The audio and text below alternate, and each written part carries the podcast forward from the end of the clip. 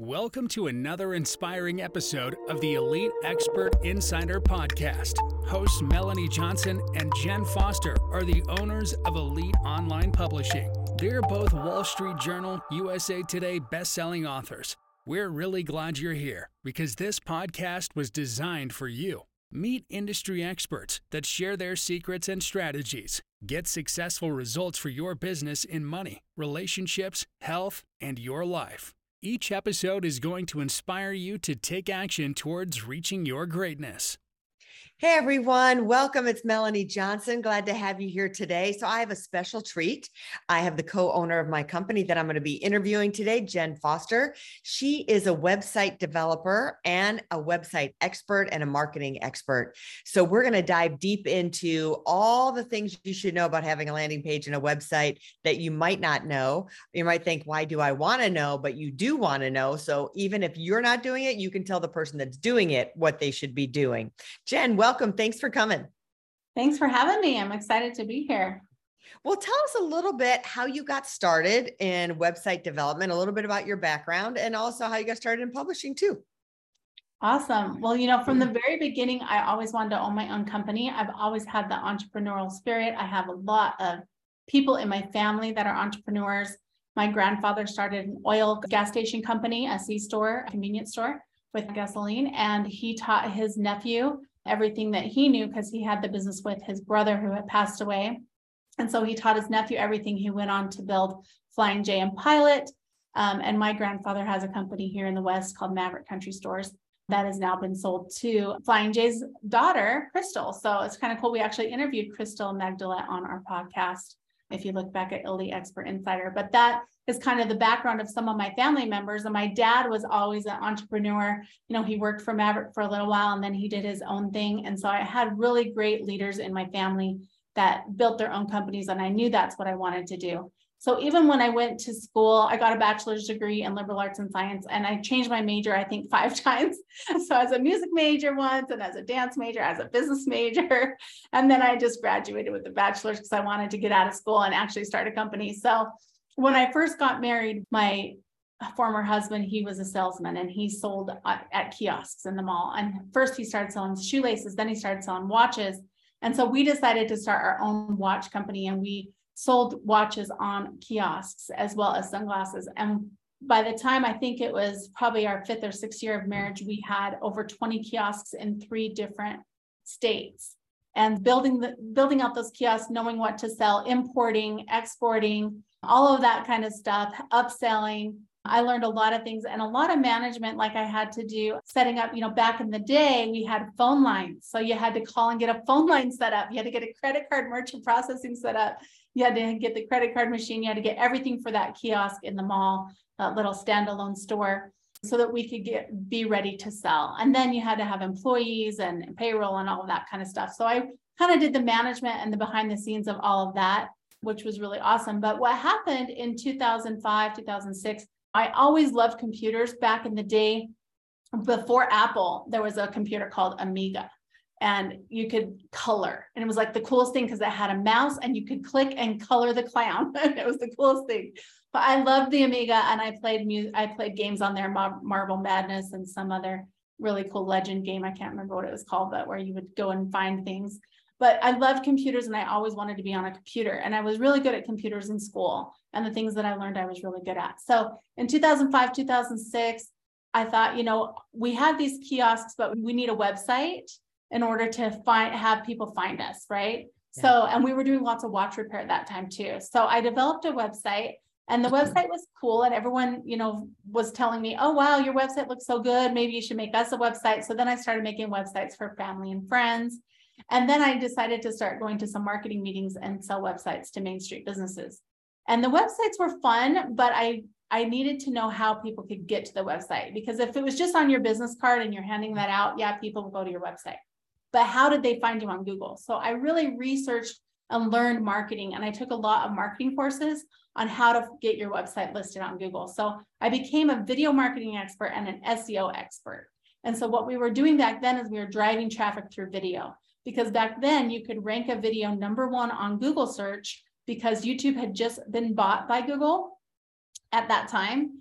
And it was number one. You could just put the right title in your YouTube video mm-hmm. and you'd be number one. So we were outranking everyone for watch repair and watches and glass sunglasses for video. And then I started doing it for my web design company. So I was outranking. So then I started getting people calling me saying, Oh, I want to have, I want to be number one like you're number one. How did you get Web Design Sandy, Utah to be number one?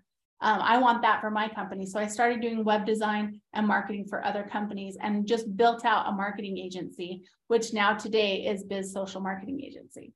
So it's been a fun ride. I even got, I think it was my second or third website I submitted for a, an award, and I got the Lover's Choice Award for that web design, which was kind of cool. So it's pretty wow, fun. I don't even think I knew that you had an award for it. And yeah. know, we're, we were really lucky that we became partners because Jen already knew how to make a website for us. And we get customers that contact us off our website all the time, several a week, just from the amazing website and the design that she's done behind. Do you think, I mean, some people are saying, oh, our website's antiquated. Do I still need a website? What do you think about that? Yeah, well, if you're in an online business or you have an online service or even a mm-hmm. brick and mortar type service, if you don't have a website, how do they know you're real? Right. Mm-hmm. So that's what I say. So you can be like a business coach and not have a website, and people will be like, well, where do I go to see your testimonials or where do I go to see mm-hmm. what other clients you've worked with? where do I go to, you know, all these different places is your website, right? So you need a website, especially even just any business. If you don't have a website, how do they know you're real and you're credible? And where can they go to contact you if they need to contact you, right? You know, the so confusion is like website. What should I put on my website? Like a lot of times, I mean, for authors, we have a formula Mm-hmm. of things that we recommend that should definitely go on their website for an author. But and so for an author, there's one thing, and for a business, what are some of the things that they should have for a general business? Yeah, well, I always tell mm-hmm. people you need a five page website. You can have more, but you definitely need to start with a five page website. And mm-hmm. what that website needs to have on it is what you do, who you are, and why you're different from other people. Because if you just have a website that says, this is what we do, and no way to contact you or no prices or no, you know, anything like that, then how are they going to hire you? Right. Mm-hmm. So, you know, one of my mentors was saying, Do you have a buy button on your website? So think about that. Do you have a buy button? Is there a way for someone to click and pay you money right now? And if not, then you need to figure out how to do that. Right. And maybe you only have one product. So have that buy button for that one product. Maybe mm-hmm. you have 10 or 20 products, I need an e-commerce website. And the e-commerce websites are totally different than a regular information mm-hmm. website, right? And then people will ask me too, well, what's the difference between an information website and a landing page? So you might hear a landing page or a click funnel or a funnel page or a lead page generator. Like there's all these different words out there. Mm-hmm. And these pages are different than your regular website because this is a page where you're just going to capture their name and email in order to give them something. So this mm. is different than saying contact us on our website. Here's your contact page that has your address, your Google map listing, the form for them to fill out and contact you and leave you a mm-hmm. message or ask you a question. That's different than a landing page. A landing page is put in your name and email for this specific thing. So you mm-hmm. can give them something for them giving you their name and email. And that landing page most likely will have a really nice hook will give them information that's going to get them to the next thing. So that's where the mm-hmm. funnel comes in. So landing pages are totally different than web design or website. And then you website. mentioned earlier to have testimonials on there. What other types of things? So testimonials I know are real important because mm-hmm. it can really tell you if you should trust that person and looking mm-hmm. those up. What other types of things like that should you include on a website? Yeah, well, it really depends on your industry, on what you include on your website and what you don't. But you know, the basics of a website is like the home, the about page, the services page or what you do. You might have a media or gallery page, you might have an event page, contact us, you know, the blog. There's lots of different things you can put on a website. But mm-hmm. I would mm-hmm. say the number one thing on the contact us page that if your web designer isn't doing this, then you need to do it. And that is a Google map listing. Mm-hmm. Now you mm-hmm. might say, well, I'm a coach or I'm a, you know, even like Melanie and I, we work from home, so we don't have like if we put Google Maps in, people are going to show up at our house, right? Well, no, you need you need a Google Map listing, and maybe you need to get a PO box or something if you don't want it to be your home address if you work from home. But you need to have a Google Map listing so that you can be found because when people do a Google search, that address that comes up usually if they're searching in a local area, like I'm saying, Mhm. a publisher in Houston or a publisher in Utah, then first thing that's going to come up is Google Maps and then the websites. And so if you don't have a Google map listing and then that map listing is embedded on your contact us page, Mhm. that's how Google like puts it together so that they can find you that search engine optimization, right? Do you think it's important to have a blog post and have it on your website? I do. So this is the thing with blogs.